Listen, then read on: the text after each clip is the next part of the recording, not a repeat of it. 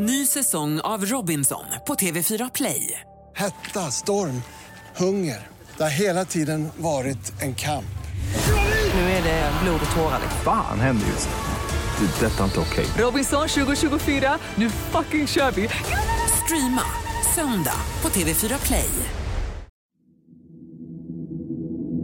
Sen minns jag inte riktigt hur lång tid det går, men, men till slut bestämmer man sig då för att man ska sänka honom i en sjö. Så man virar in honom i presenning och slår kättingar om. Så åker man ut den här sjön och sänker honom under isen. Då. En gång har jag gråtit i Efterlyst. Vi hade följt ett fall med en liten flicka som försvunnit och nu hade hon hittats. Mördad, misshandlad och våldtagen. Jag visste att det skulle bli svårt att stå där i studion och rapportera om fallet. Så jag valde att inte titta på det inslag vi gjort i förväg. Jag valde att inte prata ingående med reporten som gjort inslaget. Jag valde att mest hålla mig för mig själv hela dagen fram till sändning. Jag heter Hasse Aro. Välkomna till min podd Fallen jag aldrig glömmer.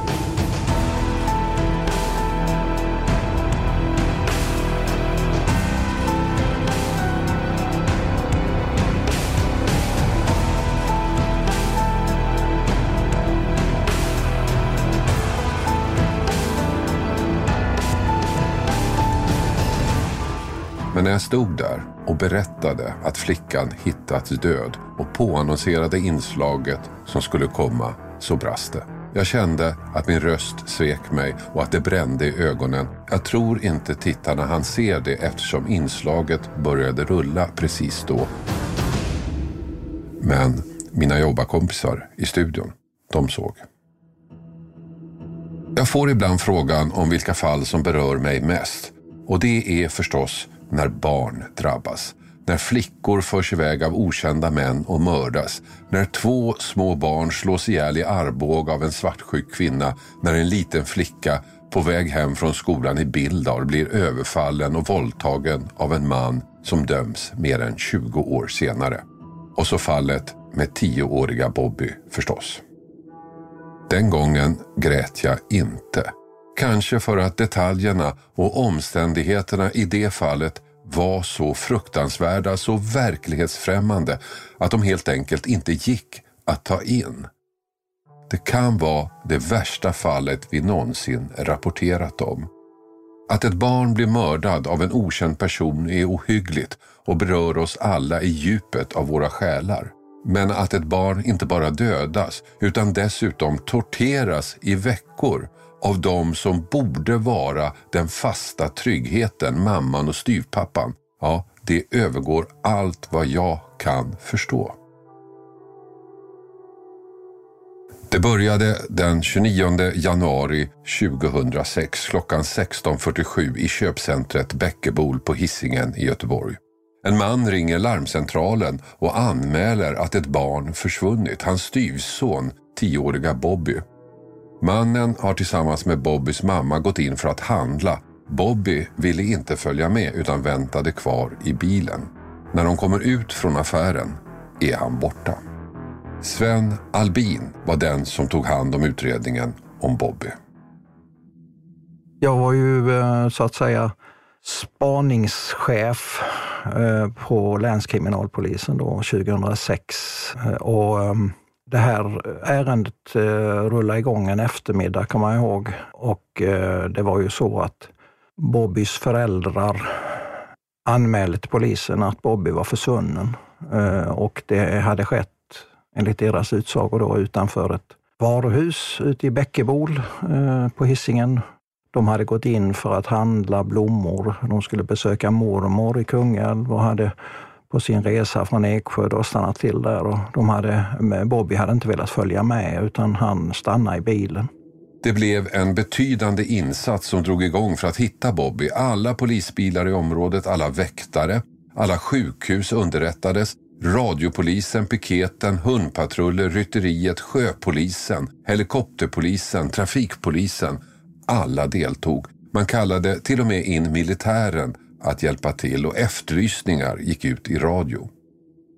Ja, där var väl det, det enligt de mått mätt som man eh, har i en storstad så var det ju väldigt mycket folk. Eh, det tillsattes ju en, en eh, polisinsatschef. Han fick rätt mycket folk till sin hjälp med hundar och häst hästar vill jag minnas det var också. Helikoptern var där. Man sökte, det var ju stora parkeringsytor som skulle sökas av. Det fanns snö, så det var ju en ganska besvärlig situation. Men trots den enorma insatsen hittades inte Bobby, inte ens det minsta lilla spår kunde man finna. Han var borta. Och självklart förhördes de två föräldrarna, styvpappan Eddie och mamma Nina. Och den bild polisen fick fram av Bobby var bilden av en komplicerad liten kille. Vi fick ju ganska snart, eh, snabbt för oss att han kanske inte riktigt kunde ta hand om sig själv. Men det var någonting som inte stämde. Redan de första poliserna som kom till platsen och pratade med mamman och styrpappan fick en känsla av att något var fel. Ingenting konkret, inget märkligt i historien, inga mystiska spår. Men något var det. Kanske att både mamman och styrpappan verkade ganska oberörda över det som hänt. Deras barn var försvunnet, men ingen av dem reagerade som man skulle kunna förväntat sig. Så länskriminalen, som egentligen inte hade något med letandet att göra, blev inkopplade ganska tidigt. Eh, ganska tidigt där faktiskt så eh, fick vi klart för oss detta och började titta på detta. För det är ju så när det gäller försvinnande anmälningar att man kanske för ofta. Eh, använd, eh, liksom inte, man tittar inte på om det ett eventuellt, kan vara något eventuellt brott emellan. Men av någon anledning, som jag nu inte exakt med, med minns detaljerna, så blev vi, kom vi in i bilden och blev informerade väldigt tidigt. Vi har en rutin, eller hade en rutin eh, i eh, Västra Götaland där, där alltså man informerade brottsutredare, eh, eller chefen, chefen för spaningsroten då, om det mm. på dagtid, om, om att eh, det här hade hänt och att vi skulle ha en viss beredskap. Då. Så parallellt med att alla patruller var ute och letade efter Bobby så drog länskriminalen igång en utredning om familjen. Och det man fann var oroande. Inte bara när det gällde Bobbys diagnos han hade tidvis bott hos en stödfamilj i Stenungsund där han trivdes bra.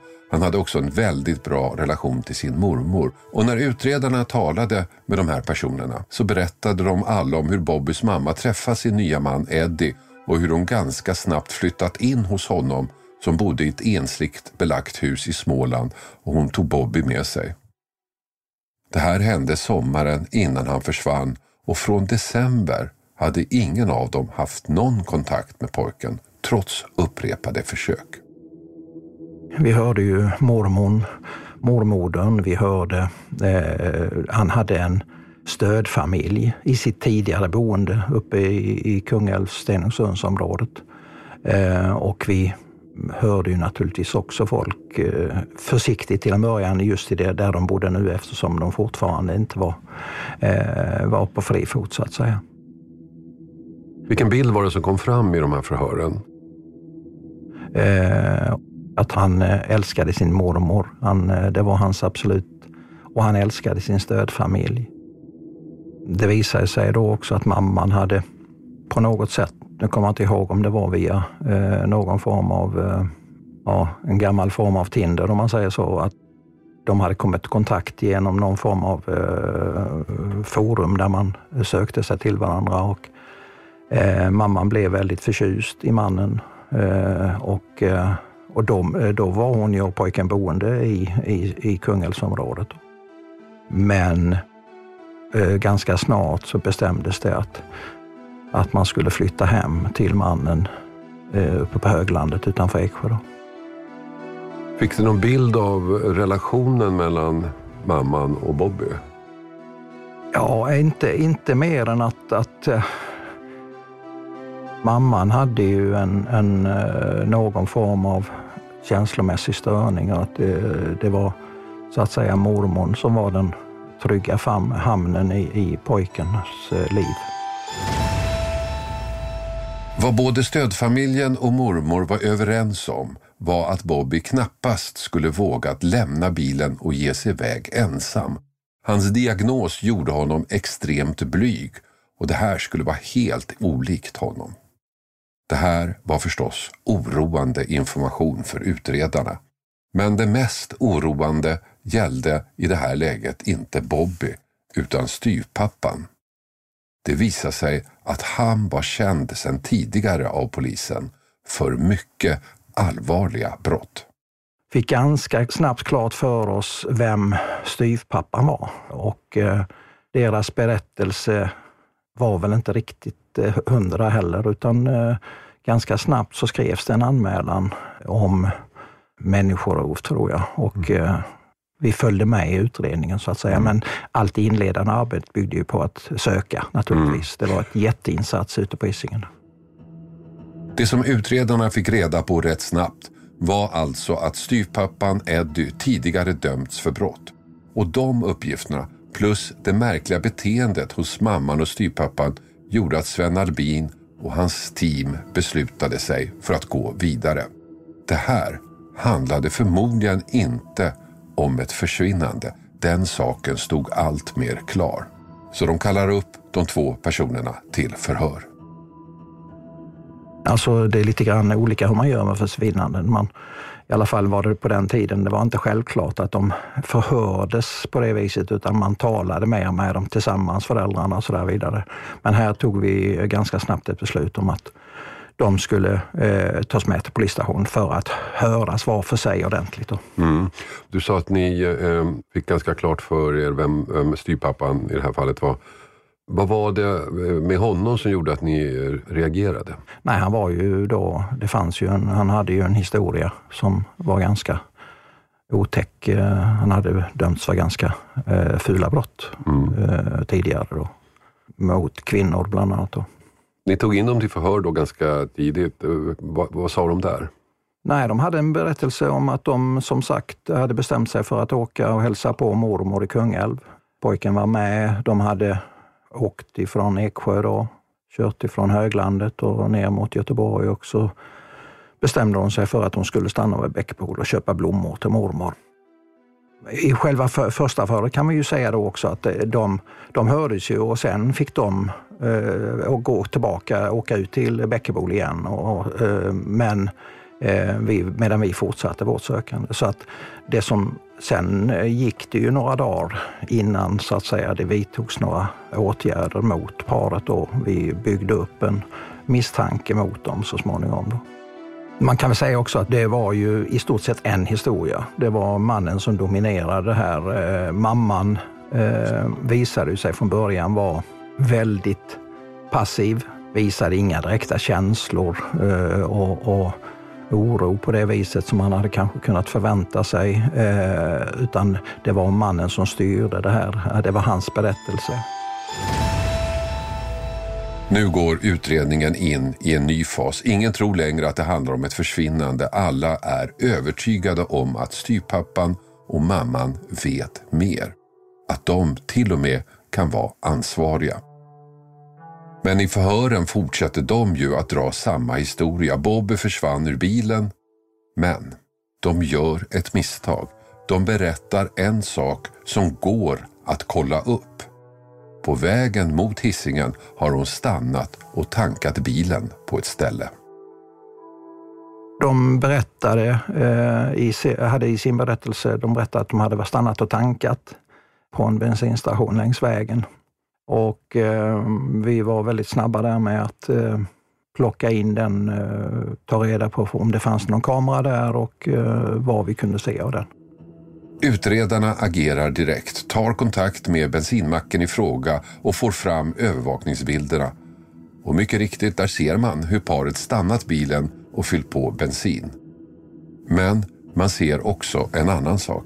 Eller rättare sagt, det är en sak man inte ser. Bobby. Han syns inte i bilen på filmen från macken. Bilderna är visserligen otydliga, men alla som tittar på dem är övertygade Bobby sitter inte i bilen. Han var inte med på färden överhuvudtaget. Han var borta redan innan bilresan startade. Det mest anmärkningsvärda var ju att vi såg inte Bobby i baksätet på bilen helt enkelt. Mm. Vi var ganska säkra på att han fanns inte i bilen där. Vad tänkte du då? Nej, alltså det, det var ju en... det uppstod ju då mer och mer eh, en tanke om att eh, pojken hade försvunnit på ett annat sätt. Eh, och, men hur, det hade vi ju liksom ingen aning om i det mm. läget. De här uppgifterna leder till ytterligare ett beslut. Vi gick vidare på det viset att efter att de var släppta där så tog vi kontakt med åklagare eh, och tillsammans så beslutade vi att vi skulle försöka eh, oss på en, en telefonavlyssning helt enkelt av parets mobiltelefoner eh, och vi fick ett beslut i, i domstol om det. Det gav ingenting kan man säga. Det, de, de få samtal som var, det var mellan de själva. Det fanns liksom ingen kommunikation. Det var fullständigt uteslutet. Nej, telefonavlyssningen gav ingenting. Men det händer en annan sak som ökar oron. Sven Albin och hans utredare kommer i kontakt med styrpappan Eddies förra sambo och i förhöret med henne kommer det fram oroväckande uppgifter.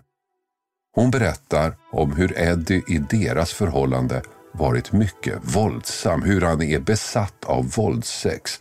Men hans våldsamheter går bortom det. Det hade även drabbat hennes lilla barn. Eddie hade varit våldsam även mot barnet. Alla de här uppgifterna gör förstås att misstankarna mot mamma Nina och framförallt styrpappan Eddie ökar. Frågan är om bevisen verkligen håller, om det går att anhålla dem på det man nu vet. Å ena sidan så har man graverande uppgifter som talar för att de på något sätt är inblandade. Deras märkliga likgiltiga beteende, övervakningsbilderna som visar att Bobby inte var med på färden och styrpappan Eddies våldsamma beteende och besatthet av våldsex.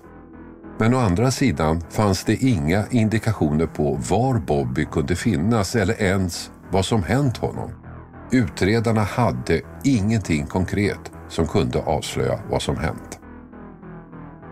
Vi hade ju en, en misstanke om att pojken på något sätt bragts om livet. Men vi visste ju inte hur och vi visste inte när eller var. Eh, vi hade i och för sig bilderna ifrån bensinstationen, men eh, vi kunde inte vara riktigt säkra på det. Eh, jag hade själv en, ett katastrofscenario någonstans i mitt huvud där jag, där jag liksom funderade på om man var så, skulle vara så djävulsk i sin planering så att man, att man efter att vi hade slutat leta där ute i snöhögarna kring Bäckebol, att man placerade dit pojken efteråt så att säga och att mm. de kom fram så småningom. Det var min egen fundering kring detta, men, men vi hade egentligen ingen riktigt bra väg att gå, kan man säga. Och där blev, där, I det här läget så uppstod det en diskussion med åklagarmyndigheten då. Eh, och eh, huruvida man, att det fanns tillräckligt för att eh, ta in personerna i fråga och kanske anhålla dem då, få mm. dem anhållna. Just med tanke på att vi inte hittat pojken och det, det är med det vi hade då, så att mm. säga bakgrunden hos mannen och så där vidare. Men även om ni då misstänkte att han hade bragts om livet så fanns det ju andra scenarier som också skulle kunna förklara föräldrarnas agerande. Han kunde ju ha dött eh, ja, absolut, på ett naturligt sätt. Absolut, och, och eh, eh, så var det ju naturligtvis. Eh, men att han var borta i alla fall på något sätt. Mm. Eh, vi hade också då i det läget tagit kontakt med gärningsmannaprofilgruppen i Stockholm och eh, de i ett telefonmöte eh, med dåvarande chefen Paul Johansson och tror det var Eva eh, Fågelsang, nuvarande chefen och jag och åklagaren. Vi hade en diskussion där och GMP-gruppen målade, ja, de beskrev egentligen hur den här mannen, deras uppfattning om den här mannen och hans farlighet och så där vidare. Mm. Vad var det för bild du fick där då? då? Nej, att han, att, uh, han hade ju begått Eh, väldigt grova brott tidigare och att han var kapabel. Eh, man ansåg att han var kapabel till i stort sett vad som helst. Åklagaren låter sig övertygas av Sven Albin och låter anhålla de två och de tas in i förhör. Vi har ju då satt två av våra bästa förhörsledare på paret då och eh, bland annat eh, fick kvinnan eh, Harriet Persson eh, som förhörsledare. Mm. Och det var väl kan man lugnt säga, hennes förtjänst då, eh, att hon fick eh, ganska snabbt faktiskt, eh, redan efter någon dag eller två, så fick hon kvinnan att, att börja prata och berätta. Att anhålla någon, det är en sak. Det kan åklagaren själv besluta om. Men att kunna få igenom en häktning, ja då krävs det mer. För då är det ju domstolen som ska bestämma. Och en domstol vill gärna ha något konkret i bevisväg, något som tydligt är övertygande. Och det fanns ju inte i det här fallet. Men åklagaren beslutar sig ändå och lämnar in en ansökan till domstolen att häkta paret. Det är en chansning. Utredningen fortsätter intensivt, men tiden tickar. Förhoppningen är att hitta något, en enda sak, den där detaljen som kan fälla avgörandet. Men ingenting nytt kommer fram och dagen för häktningsförhandlingarna närmar sig. Det är då det händer. Dagen före förhandlingen vänder allt. Och det är inte några nya bevis som kommer fram. Det är inte någon ny teknisk undersökning som plötsligt gett resultat och det är inte något vittne som berättar något nytt. Nej, det är mamman, Nina, som inte längre orkar. Under förhören med henne så har strategin varit tydlig, att få henne att känna sig trygg, att få henne att lita på förhörsledaren. Och klockan 17 den 16 februari, två veckor efter Bobbys försvinnande, begär hon att få tala med utredaren. Och nu kommer berättelsen.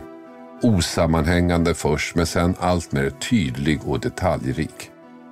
Det är en fruktansvärd redogörelse med så grymma detaljer att även den mest rutinerade utredare chockas.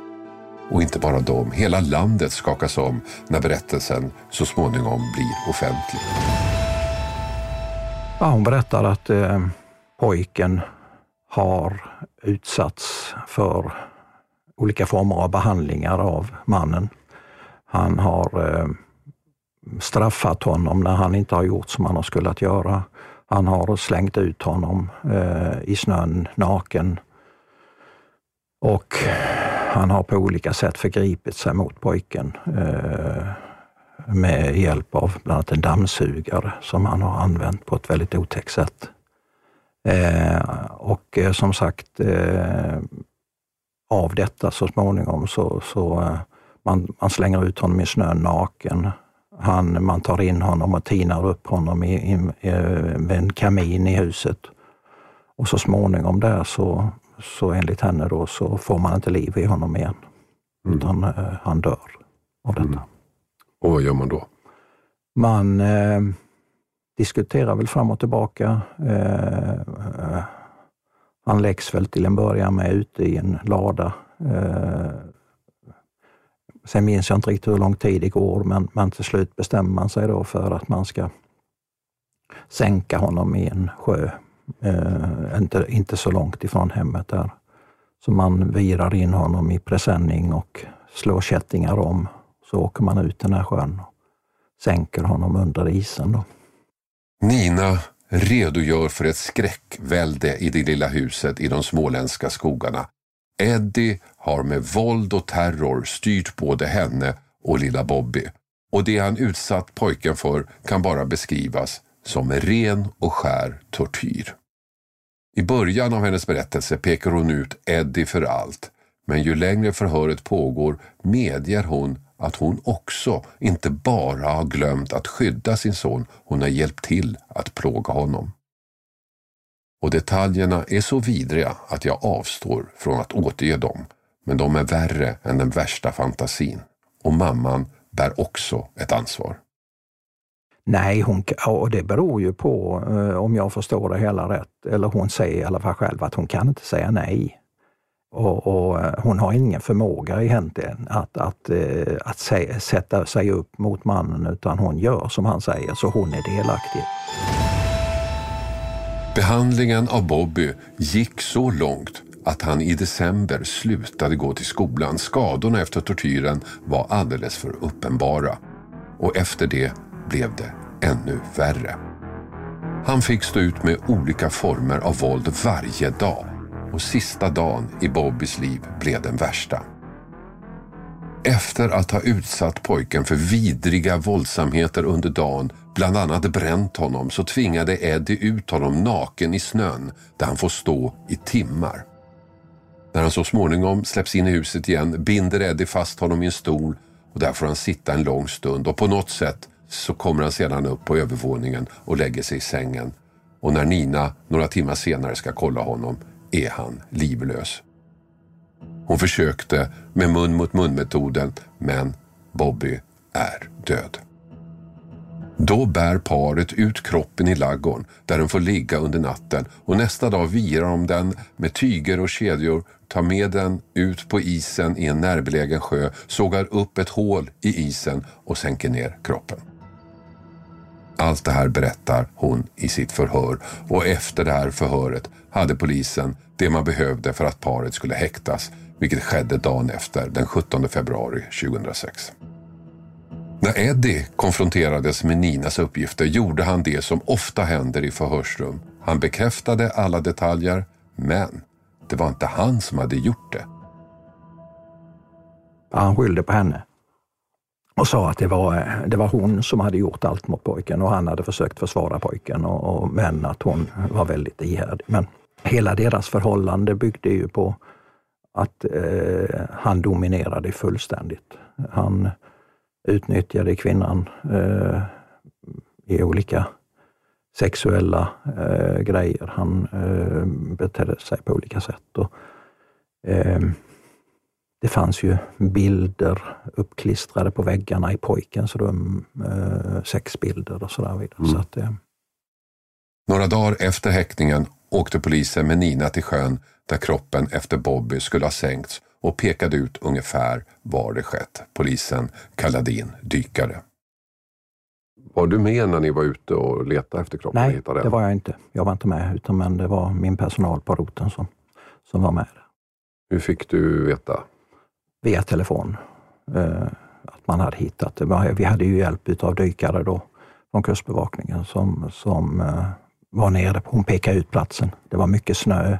Jag vet att de, eh, kommer ihåg att de hade väldigt tunna skor och så där vidare. Och, men eh, hon pekade ut var det var någonstans och vi hittade pojken så småningom. där.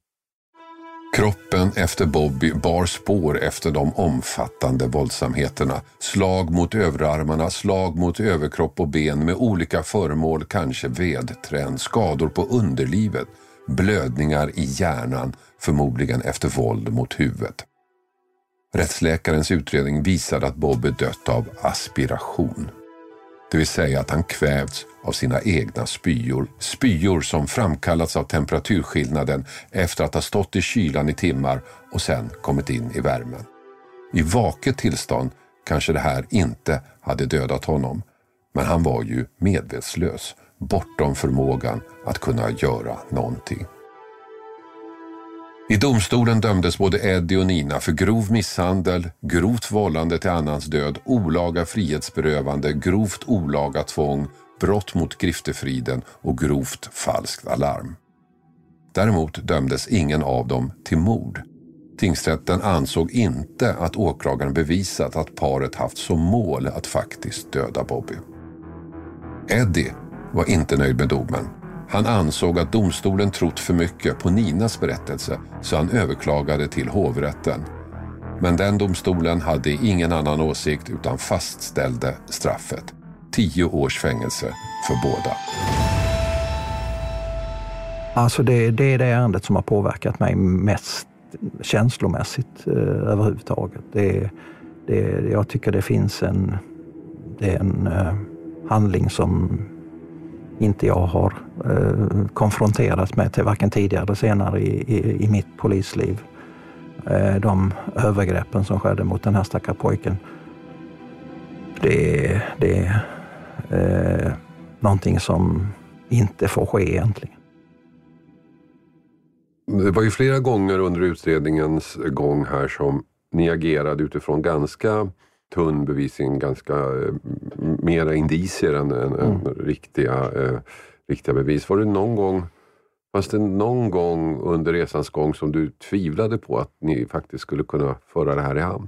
Nej, eh, faktiskt inte. Eh, jag kände att vi, eh, vi låg så pass rätt hela tiden. Trots att det var tunt så kände vi att det här stämmer inte. Vi måste gå vidare på den här vägen. Jag tyckte vi hade en skyldighet att göra det. Och, eh, vi fick åklagarna med oss på det också. Så att, eh, i det perspektivet det kändes det jättebra faktiskt.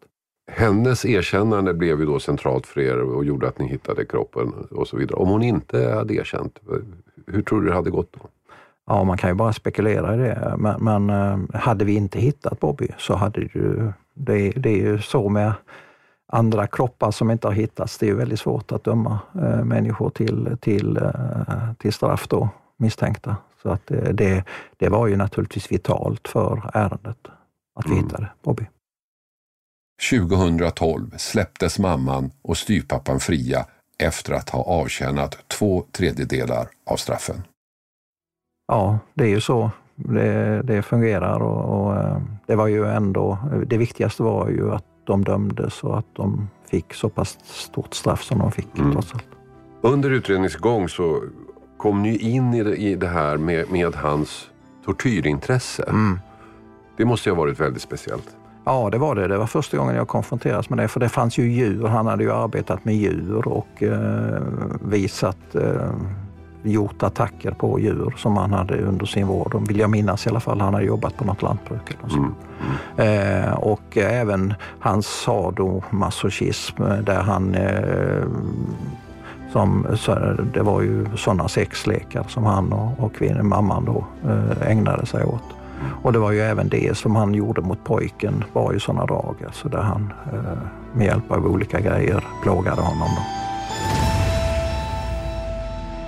Efter frisläppandet träffade Bobbys mamma en ny man. I början av 2017 fick de ett barn. Ett barn som tvångsomhändertogs av de sociala myndigheterna. Styrpappan Eddie dömdes 2017 för barnpornografibrott efter att polisen hittat barnporrbilder i hans mobiltelefon.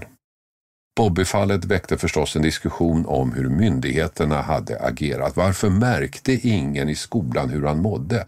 Varför reagerade inte myndigheterna när mamman tog bort Bobby från stödfamiljen och flyttade till Småland? Och varför gjorde inte skolan någonting när Bobby plötsligt slutade komma?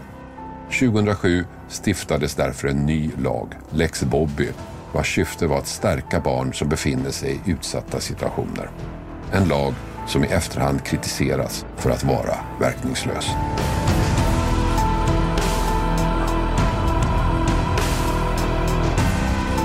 Klippning och inspelningsansvarig David Dabba Persson och exekutiv producent Mattias Arvidsson.